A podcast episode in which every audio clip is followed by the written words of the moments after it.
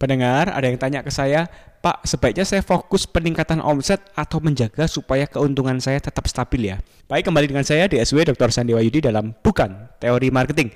Oke, omset kita bisa meningkatkan kalau harga jual kita diskon ya, promosi, harga kita nggak mahal, biasanya omset akan naik.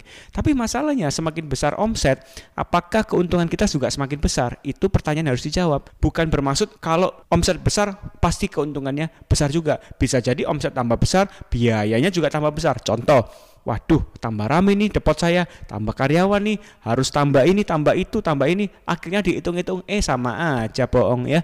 Jadi keuntungannya juga nggak jauh beda dengan yang lalu. Tambah capek, tambah ribet, tambah stres, ternyata sama aja. Oke, nah kalau fokus pada keuntungan atau profit berarti kita menjual service, menjual image, menjual produk yang berkualitas. Customer nggak bisa sebanyak yang kemarin, tapi harganya adalah kita coba naikkan. Supaya apa? Service kita tetap terjaga, namun kalau dihitung-hitung ya, ternyata profitnya bisa lebih besar. Nggak semakin ribet, nggak semakin banyak customer, fokus kualitas. Ternyata omsetnya nggak bisa naik pesat, tapi keuntungannya bisa lebih berkembang. Nah ini kembali, kalau kita memang butuh percepatan, perusahaan kita butuh cash flow istilahnya, perputaran duitnya cepat, maka kita fokus ke omset. Tapi kalau fokus perusahaan kita adalah pada keuntungan, pengembangan, kita juga harus invest sana, invest sini. Berarti keuntungan kita harus kuat ya. Kalau nggak gitu nggak bisa tambah mesin, tambah cabang dan seterusnya.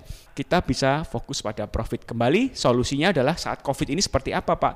Bikin paket COVID ya supaya omset bisa tetap nambah. Tapi jangan lupakan menjual produk utama kita yang berkualitas supaya keuntungan kita tetap terjaga. Produk-produk yang bisa dijual dengan harga murah supaya omset naik adalah produk-produk kebutuhan sehari-hari. Jangan sampai menjual produk kebutuhan sehari-hari dengan mahal, ya nggak laku kita. Tapi fokus pada penjualan produk-produk yang ingin kita keuntungan yang besar. Fokus yang produk lifestyle seperti baju dan seterusnya. Yang mana orang suka mahal pun akan dibeli kalau memang sudah cocok ya. Itu saja tips dari saya. Ikuti terus dan follow Instagram pribadi saya @dsw. Andi Wayudi.